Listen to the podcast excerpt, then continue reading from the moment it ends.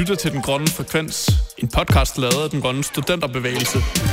Vi er et landsdækkende fællesskab for unge, der kæmper for et grønt og retfærdigt samfund.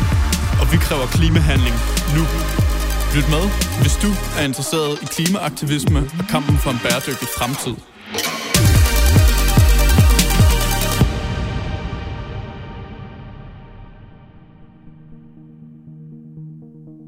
Hej, det er Anna her. Velkommen til Den Grønne Frekvens.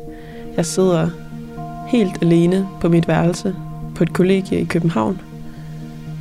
Og den her episode bliver lidt et eksperiment, tror jeg.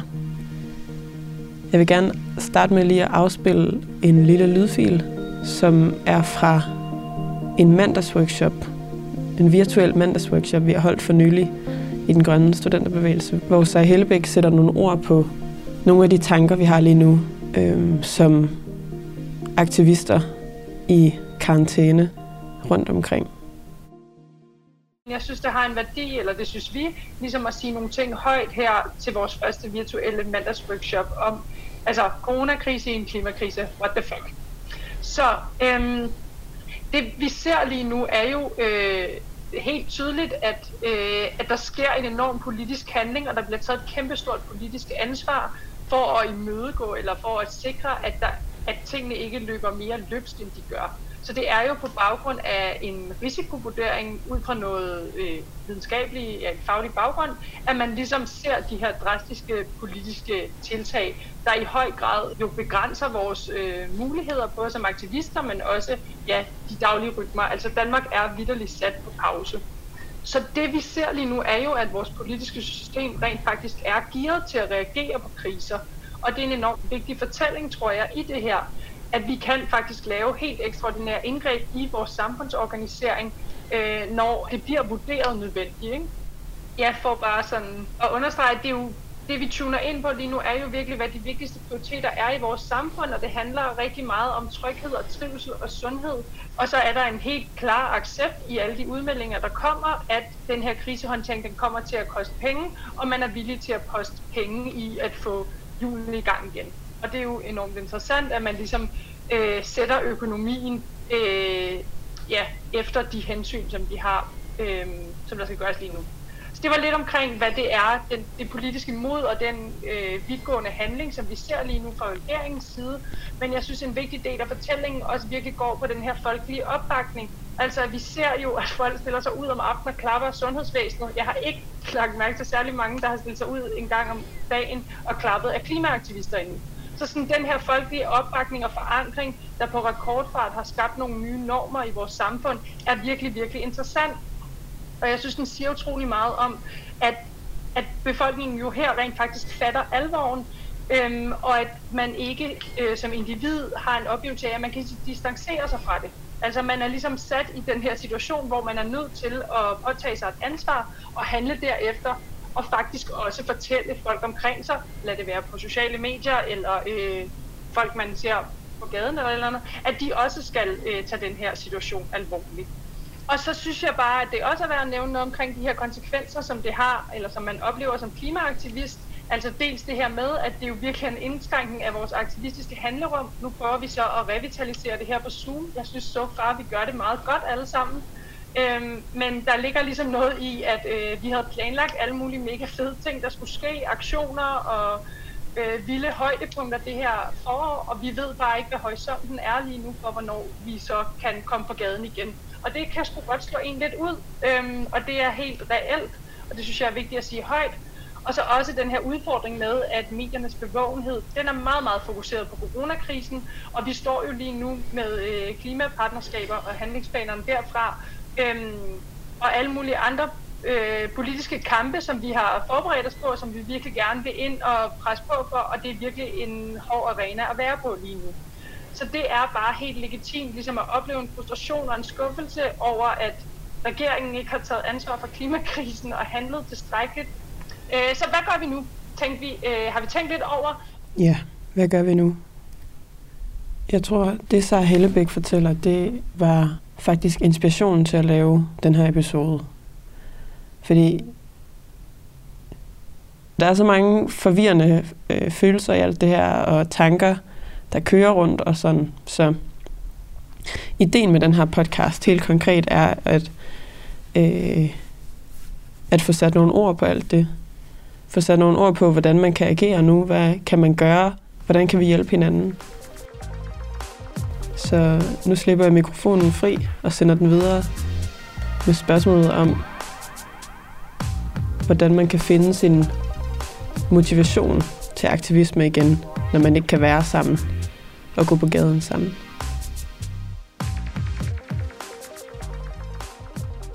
Hej, jeg hedder Clara. Jeg sidder lige nu i Vestjylland, i Færing, i et sommerhus, hvor jeg isolerede isoleret mig sammen med to gode venner fra den grønne studenterbevægelse, da vi går på universitetet sammen og skal skrive en projektopgave sammen. Og vi kan gøre det her i skøn natur, mens vi arbejder intens og går ture ind imellem ved havet. Den måde jeg har holdt mit håb og min motivation øh, oppe i den her meget forvirrede tid, er ved at se den øh, sprudlende aktivitet, man alligevel har kunne fornemme på vores kommunikationskanaler i den grønne studenterbevægelse. Øh, hvordan folk, der popper stadigvæk idéer op her og der, på måder man kan lave aktivisme online, øh, podcast som det her, øh, en blog, øh, folk skriver øh, om alt muligt spændende og laver opkald til hinanden, og der er stadigvæk en mulighed for den her hjælp og snak, og der er en helt vild opbakning og støtte til alt, hvad der sker. Folk, de hæpper helt vildt på hinanden, specielt i den her tid, så jeg ses bare en kæmpe, kæmpe omsorg. Derudover så synes jeg, at øh, jeg på en eller anden måde har fundet en, øh, et håb i, at vi har set den her meget hurtige politiske handlekraft. Øhm, og man kommer til at tænke, nå jamen, så kunne I jo godt alligevel. Man kan jo godt handle politisk på store troende kriser, hvis der ligesom er politisk øhm, mod og vilje bag. Så jeg ser det også som et vindue til forandring, at det her er sket, selvom det sker øhm, på baggrund af rigtig meget øh, sørgeligt og død og sygdom og ødelæggelse. Så kan jeg også godt lide at tænke på de positive ting, der muligvis kan komme ud af den her krise. Det er spændende. Lidt i forlængelse af de her tanker, så er mit spørgsmål til den næste i kæden, hvilke håb du har for forandringer i verden på den anden side af coronaen.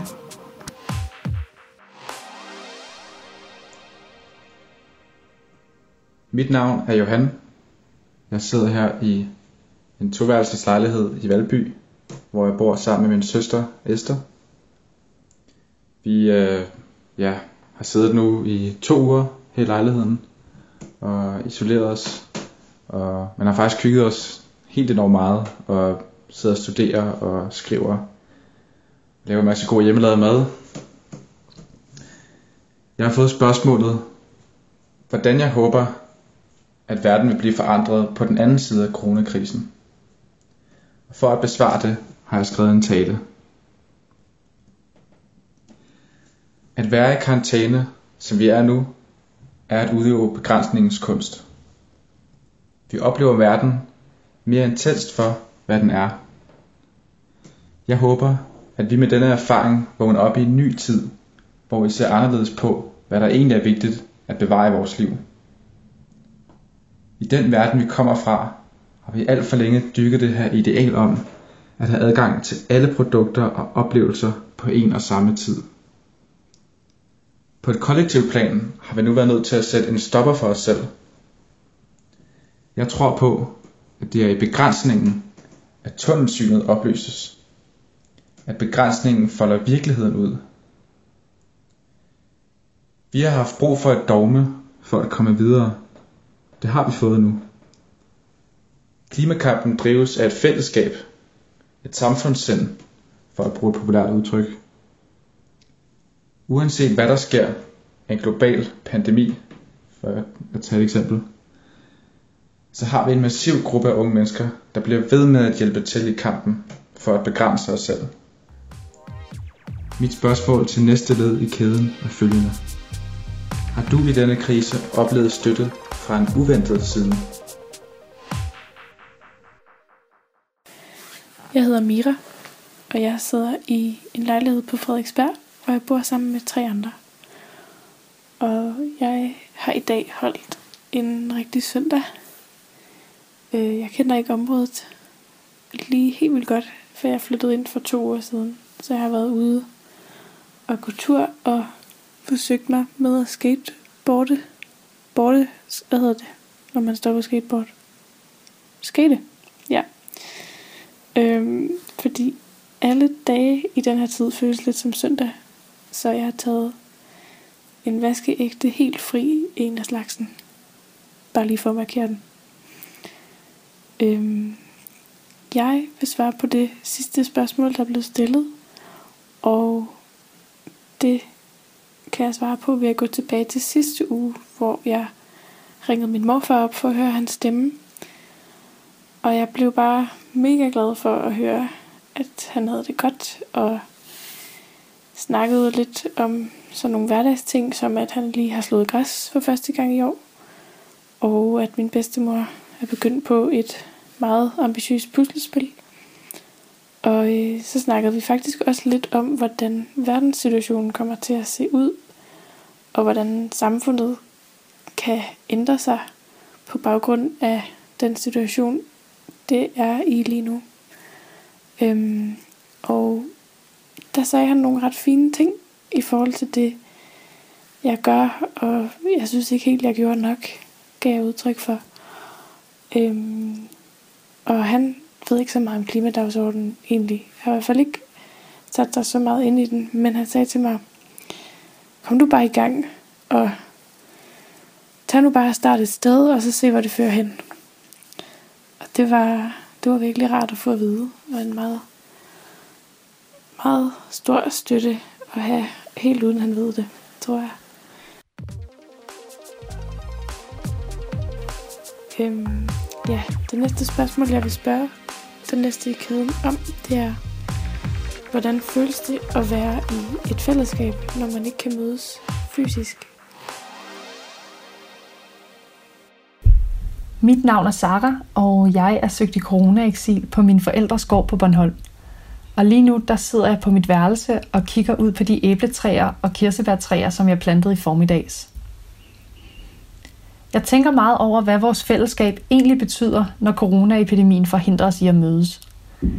Det er virkelig gået op for mig, hvor meget energi jeg får ud af at se folk og gøre ting sammen med andre. Og det tænker jeg i virkeligheden er en rigtig smuk ting at tage med fra alt det her. Men den her karantæne viser jo også, at fællesskabet eksisterer ud over det fysiske møde.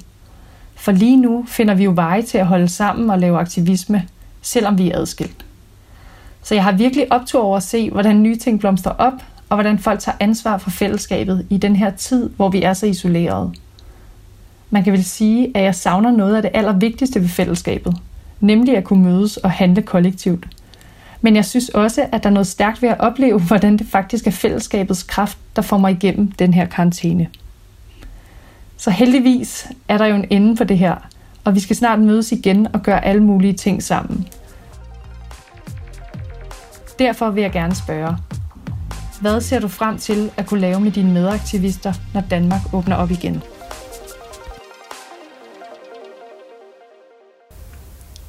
Jeg hedder Alberte, og jeg bor i København.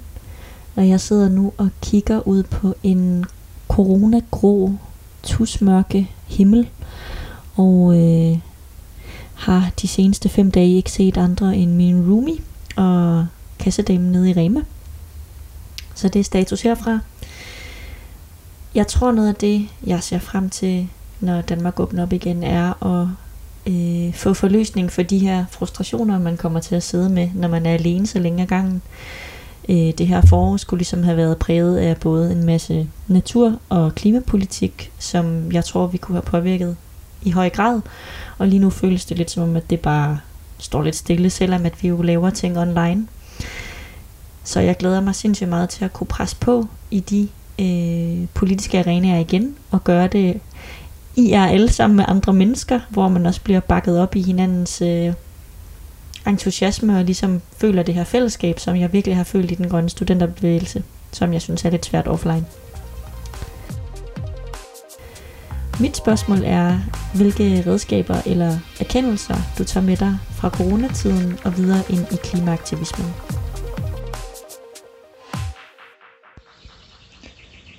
Jeg hedder Christian. Jeg sidder i karantæne på Sydfyn, hvor jeg er hjemme med mine forældre. Øh, de har en dejlig have og har masser af sol de her dage, så jeg har det helt godt med at være i karantæne. Og jeg går også ret forhåbningsfuld her midt i coronakrisen, fordi at den her krise har vist os, at alt det vi troede var umuligt, det er muligt. Nu beviser vi, at vi som fællesskab kan handle på en krise, og vi beviser, at vi kan handle øh, mere medmenneskeligt og træffe nogle svære nødvendige beslutninger. Vi beviser, at vi kan ændre vores vaner. Så det er den centrale ting, jeg tager mig med mig videre. Øh, og også, at vi kan handle som en del af et større skæbnesfællesskab. Mit spørgsmål er, hvad håber du, coronakrisen bringer med sig?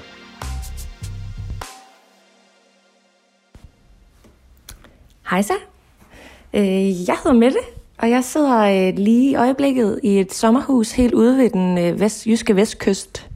Øhm, jeg sidder lige, lige nu og kigger ud af, af vinduet ud over et sådan lidt stort slettelandskab med både græs og marhalm og meget råt og, øh, og billedligt tæt på, tæt på salvandet øh, og samtidig også tæt på en, på en rigtig fin sø og, og nogle vindmøller. Så det, er, så det er faktisk et rigtig, et rigtig godt udkig, jeg har mig lige her.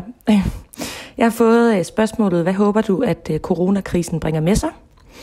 Øh, først og fremmest så håber jeg, som ligesom når man sidder her og kigger ud i naturen, at, at vi ligesom respekterer, hvad det er, vi, hvad for en natur vi lever sammen med, og ikke på bekostning af. Øh, samtidig så håber jeg også, at, at den her politiske handlekraft, som regeringen og støttepartierne har vist for at lave hurtig lovgivning for at løse en krise, kan blive omsat til noget direkte klimapolitik. Øh, regeringen har selv udtalt, at de ligesom asfaltere vejen, mens de kører på den, og det kan man sige, det, det har ikke rigtig været udtrykket på klimapolitikken. Der har man bare sat sin lid til, til forskning, og vi skal finde ny teknologi. Øh, og, og den forskning, der ligger der, siger faktisk, at vi er klar, vi skal bare, vi skal bare gøre det. Så det, så det håber jeg at se, at de kan implementere de her tiltag, som er yderst nødvendige for, for vores klimakrise. Øh, ja. Og så tror jeg også lige, jeg vil sige, at jeg synes også, at man kan se, at fællesskabet er klar til at ændre det strukturer og systemer for, at, for det fælles bedste. Og man kan sige, at klimakrisen kommer til at have endnu større indvirkning på, på os selv og økonomien og, og på, på den natur, vi lever i. Så, så det er bare med at komme i gang til regeringen. Og så vil jeg stille et spørgsmål videre. Og spørgsmålet det er, hvad er du blevet overrasket over, mens du har været i karantæne? Hej, jeg hedder Sofie. Jeg sidder lige nu på mit værelse på Amagerbro, kigger ud gennem nogle lidt snavsede vinduer, som jeg føler, jeg burde have vasket her, mens jeg har været i karantæne, men det er godt nok ikke blevet til noget. Øhm, det spørgsmål, jeg har fået, er, om der er noget, der har overrasket mig her i øh, coronakarantænen. Og det har virkelig overrasket mig, hvor hurtigt man kan vende sig til ting. Hvordan det med at være hjemme i to uger og ikke have fysisk kontakt og ikke se sine venner og gøre alting online, hvordan det virkede vildt og mærkeligt, da det først blev foreslået eller annonceret, og hvordan det nu bare er blevet hverdag. Jeg synes bare, det er så fint at se, hvor hurtigt at mennesker tilpasser sig, hvor hurtigt at der kan komme en ny normal, hvor kreative mennesker kan være og opfindsomme. Det synes jeg er vildt dejligt at se, og det har virkelig overrasket mig, hvor hurtigt at man kunne vende sig til den her tilstand og det synes jeg bare er vildt fedt. Det spørgsmål, som øh, jeg godt kunne tænke mig at høre andres svar på, er, hvilke ligheder de ser mellem klimakrisen og coronakrisen. Jeg har selv tænkt på et par ting, og kunne vildt godt tænke mig at høre, hvad andre har perspektiver på det. Hej, jeg hedder Ariel, og jeg sidder på Østerbro. Og jeg tror, i dag har vi haft noget nær den mest varme øh, og solrige dag, vi har haft i år. Så det har jeg nyt lidt i går, inden jeg kom ind. igen. Og øhm, jeg tror, vi alle sammen har set lighederne mellem corona og klimakrise, fordi de netop er så slående.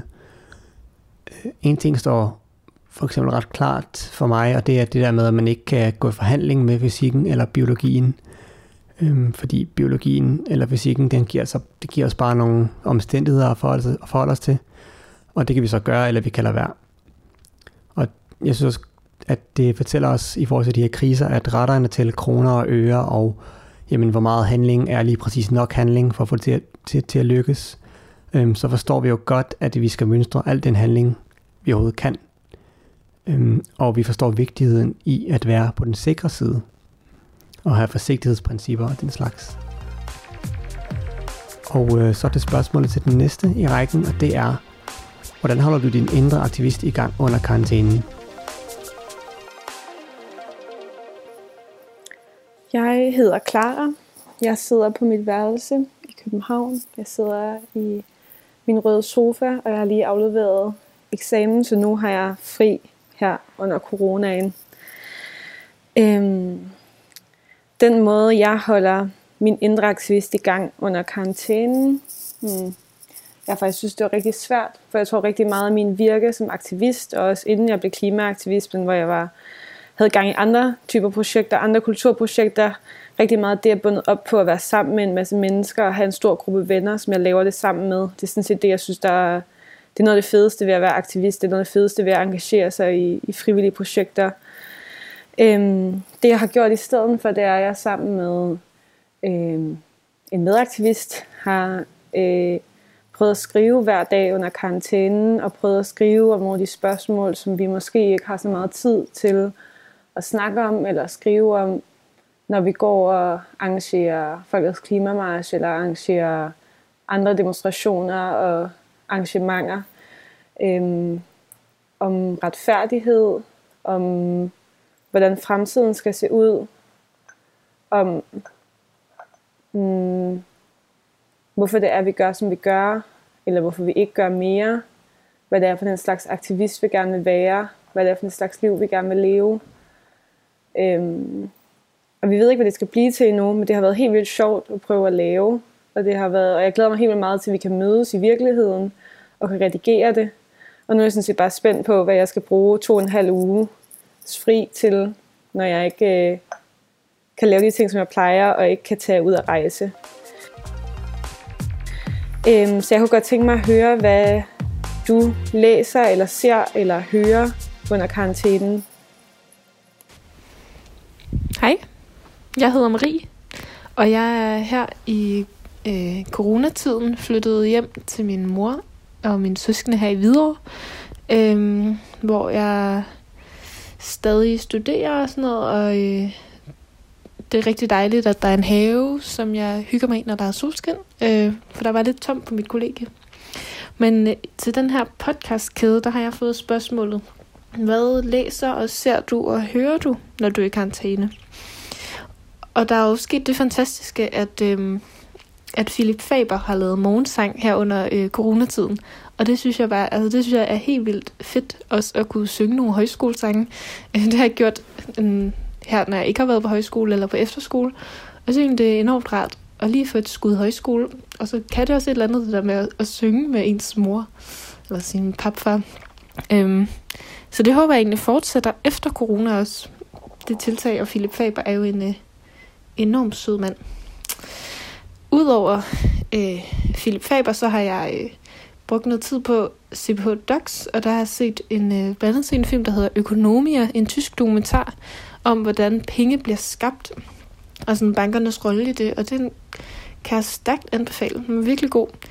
Øhm, og så er jeg simpelthen begyndt på noget, som jeg havde tænkt alle, altså eller jeg i hvert fald burde se på et tidspunkt, men aldrig har fået taget mig sammen til, så jeg er begyndt at se Matador med mor, og det er også ret hyggeligt ligesom bare at have øh, en ting at se på den måde. Øh, så hører jeg selvfølgelig en masse nyheder. Øh, der er enormt mange coronanyheder, og det er rart ligesom at være opdateret, men jeg kan godt mærke, at jeg savner lidt nogle nyheder om andre ting her i verden. Øh, det håber jeg, at der lige så stille snart kommer. Især om klima altså. Hvordan går det lige på den front? Øhm, ja, det næste spørgsmål, jeg vil stille, det er, om har du prøvet noget nyt under coronakrisen? Er der altså noget, som du aldrig har prøvet før, som coronakrisen eller karantænen har fået dig til at gøre? Hej, det er Amund Bensen, der snakker. Jeg sidder i Års her, kigger ud igennem hængebøgens grene på en mark, der rammes af det varme aftenlys. Det forår. Om jeg har prøvet noget nyt. Jeg har været isoleret i længere perioder før, og været uden social samvær i perioder før. Men det er virkelig mærkeligt at leve i en verden, hvor den fysiske kontakt mellem mennesker er blevet bandlyst. Jeg håber virkelig, at der kommer et babyboom, at den her sommer den bliver fyldt med samvær og relationer. Men hvad hvis fremtiden er mindre kontakt med andre mennesker på grund af en overbefolket planet eller frygten for pandemier? Er det så en fattigere verden? Frygten er, at vi vender os til det. At det bliver en ny normal. Ligesom vi har vendet os til en fattigere natur. Mit spørgsmål lyder. Den grønne studentbevægelse er et handlingsorienteret fællesskab. Nu står vi i en situation, hvor vi er stoppet op. Samfundet er stoppet op. Hvad har stillestand af værdi og udfordringer for klimakampen? Mit navn er Jens til og jeg sidder her i min lejlighed i Aarhus på Trøjborg. Det er en rigtig smuk dag med blå himmel og det hele udenfor. Så jeg skal nok et smut i Rigskov og kigge lidt ud over Aarhusbugten lige om lidt. Men først så skal jeg lige besvare det spørgsmål, jeg er blevet stillet.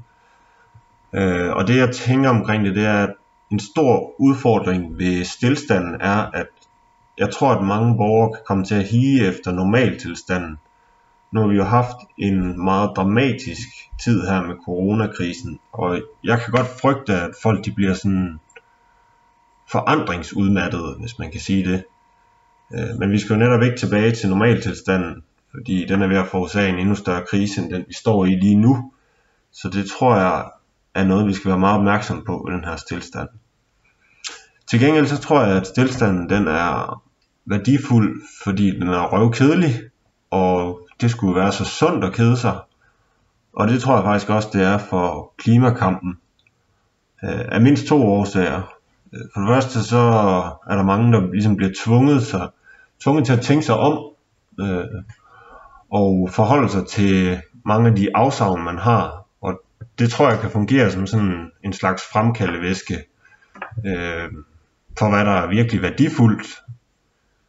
Og det tror jeg er meget afgørende, når vi skal lave nogle svære prioriteringer. Øh, for eksempel så tror jeg, at mange er blevet opmærksomme på, hvor vigtig social kontakt og nærvær er. Øh, og måske kan det ligesom få blikket op for omsorgsjobs, som jo er nogle grønne jobs.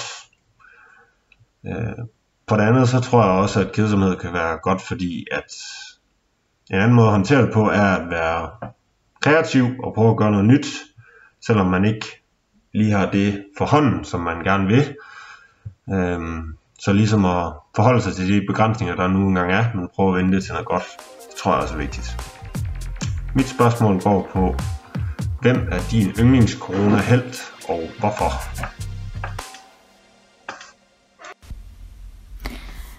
Hej, jeg hedder Christina, og jeg bor i Aarhus, øhm, i min lille lejlighed inde i centrum.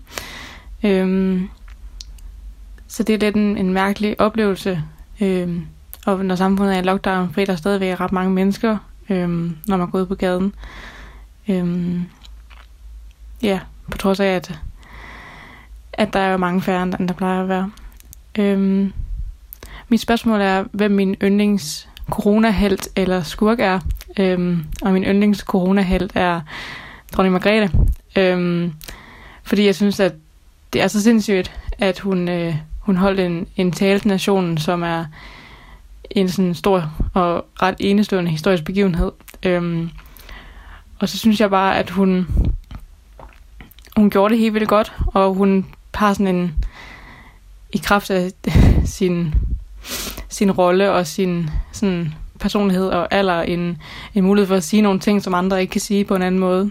Øhm, og jeg synes bare, at, at det at sige, at det kan du ikke være bekendt, det er en ret god måde at, at sådan, fortælle folk, hvad for et ansvar de har over for øh, kriser, både øh, coronakrisen og, og klimakrisen. Øh, det spørgsmål, jeg gerne vil høre refleksioner over, øh, er hvordan øh, coronakrisen og det at være i lockdown eller karantæne øh, har fået andre aktivister til at tænke over deres, øh, deres forhold til naturen. Mit navn er Malaika, og jeg sidder i øjeblikket på mit værelse på Frederiksberg. Øhm, og jeg har fået spørgsmålet, hvordan får coronakrisen og lockdown, eventuelt karantæne, der til at tænke over dit forhold til naturen. Og øhm, mm, jeg synes faktisk, jeg har tænkt rigtig meget over sådan mit personlige forhold, men også sådan menneskehedens forhold til naturen øhm, rigtig meget de her seneste uger. Øhm, og sådan helt personligt for mig, så synes jeg, naturen lige i øjeblikket er sådan et helt enormt vigtigt frirum for mig, fordi det er ligesom det eneste sted, hvor man må være i øjeblikket, øh, fordi alting er lukket, så sådan naturen er ligesom det eneste øh, ekstra rum, du har ud over din lejlighed, eller sådan der, hvor du bor. Og sådan, det er så også det sted, hvor du ligesom kan være, uden at konstant blive bombarderet med nyheder om corona. Øhm, så det er, sådan, det, er, det er virkelig vigtigt frirum for mig i de her dage. Øhm, samtidig så har jeg også har tænkt rigtig meget over sådan, øhm, sådan menneskehedens måde at blive ved med at prøve at kontrollere og styre naturen på. Altså, at naturen har sådan helt vildt enorm kraft og sådan power. Så lige meget hvor meget vi som mennesket prøver sådan at styre og kontrollere naturen, så vil den altid kæmpe tilbage og prøve at nå tilbage til et balancepunkt, som vi bare ikke kan øh, være herre over. Og det er ligesom ud af vores magt, og det synes jeg er sådan på en måde helt vildt skræmmende, men også så giver det også bare en helt enorm respekt for naturen, som jeg håber, at vi vil tage med os videre, at vi ligesom ikke kan være styre naturen, selvom vi prøver. Øhm, og det spørgsmål, som jeg så stillet til den næste, det er, hvilken betydning har den anderledes form for fællesskab med dine medaktivister haft af betydning for din motivation til at fortsætte klimakampen under lockdown? Hej, mit navn det er Jeppe Høstgaard, og jeg befinder mig lige nu på mit øh, kollegeværelse øh, på Nørrebro i København, hvor jeg har jagtvej som øh, udsigt. Øhm, og mine refleksioner over Malaikas spørgsmål, det er, at det har haft en kæmpe betydning for, altafgørende betydning for min motivation, at ligesom at kunne mødes øh, online, både til møder, selvom det bliver lidt det er træls at holde øh, online møder, øh, i stedet for at mødes fysisk. Det er sværere at ligesom aflæse hinandens sprog, øh, og også, man, der er ikke så meget plads til small talk, det bliver meget sådan, hej, øh, dagsorden, farvel. Øh, Øh, men så synes jeg i hvert fald, at øh, de nye sådan, mandagsworkshops øh, er vildt dejlige. Så kan man bare sidde øh, med sit headset på, og sidde og lytte øh, og blive klogere, og ligesom få bare en lille øh, øh, snart den fornemmelse, man har, når man er ligesom er til en mandagsworkshop, hvor man bliver fyldt med energi og får lyst til at fortsætte øh, klimaaktivismen. Øh, men det tog mig i hvert fald noget tid, øh, i hvert fald en uge øh, eller to, før jeg ligesom fandt ud af, at øh, den, det her, den her lockdown faktisk også er en mulighed, øh, ligesom for at fokusere mere indadtil, og dyrke fællesskabet, øh, og holde det ligesom ved, øh, ved live, eller i live, øh, og så, så småt begynder at se, hvad, hvad er det for noget klimaaktivisme, vi skal lave, når samfundet åbner op igen. Og synes jeg, at nogle øh, helt geniale øh, initiativer netop er den her online mandagsworkshop, eller den læsekreds, øh, som er startet, øh, hvor vi ligesom kan mødes øh, om andre ting, som vi måske ikke havde tid til, hvis øh, studiet og arbejde og klimaaktivisten kørte på fuld tid, øh, som, øh, som før øh, lockdown. Ja, så øh, fællesskabet har haft altafgørende betydning. Så slutter kæden og rejsen rundt i landet. Velkommen tilbage. Jeg vil ikke sige så meget andet, end at øh, jeg er glad for, at I har lyttet med. Og jeg er glad for, at der har været så mange øh, aktivister, der har ville være med.